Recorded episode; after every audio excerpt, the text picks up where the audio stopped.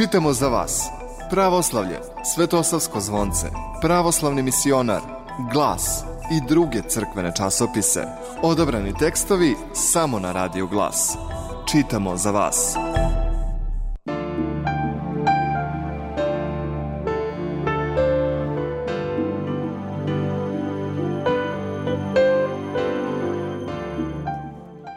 Pomože Bog, poštovani slušalci, pratite najnovije izdanje emisije Čitamo za vas.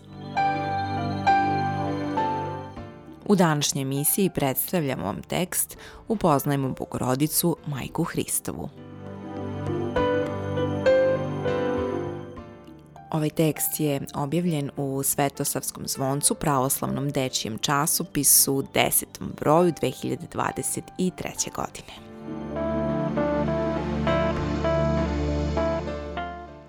U jednom malom gradu, Nazaretu, živjeli su Joakim i Ana dobri i pošteni ljudi. Bili su poznati kao skromni i milosrdni. Živjeli su u ljubavi sa Bogom i bližnjima. Kako su godine prolazile, u njihova srce počela da se useljava tuga, jer nisu imali dece.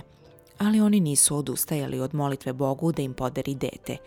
Jednog dana se pred Anom pojavio anđeo gospodnji i rekao Ana, Gospod je uslišio molitve tvoje i ti ćeš roditi dete i kroz tvoje seme će biti blagoslovena sva pokoljenja na zemlji.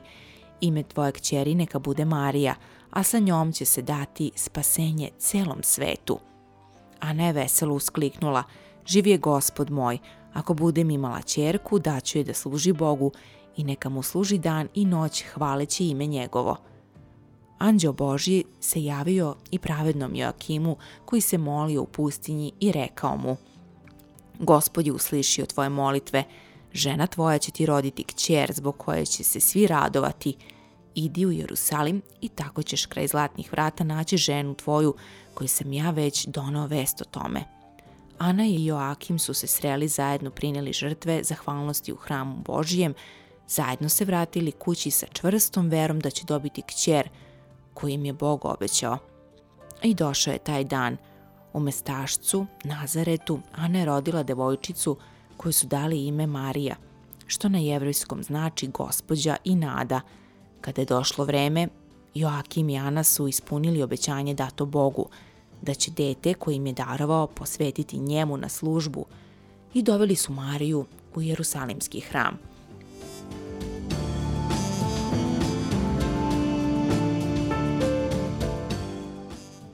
U divnoj svečanoj povorci Marija išla svečano odevena, a iza nje su bili njeni roditelji, rođaci, prijatelji i Boži izaslanici anđeli.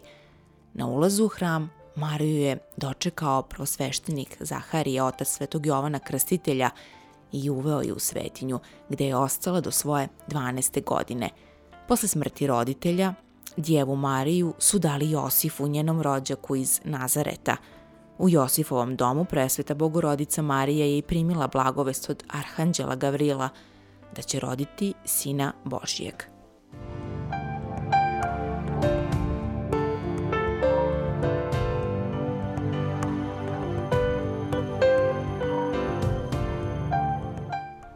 Uspomenu na taj događaj slavimo kao praznik blagovesti – Ikona blagovesti se nalazi na carskim dverima na ikonostasu u pravoslavnim hramovima.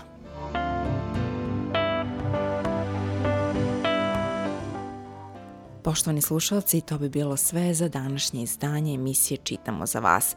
Mi smo vam predstavili tekst Upoznajmo Bogorodicu, Majku Hristovu, koji je objavljen u Svetosavskom zvoncu pravoslavnom dečijem časopisu u desetom broju. Čitamo za vas. Pravoslavlje, Svetosavsko zvonce, Pravoslavni misionar, Glas i druge crkvene časopise. Odabrani tekstovi samo na Radio Glas. Čitamo za vas.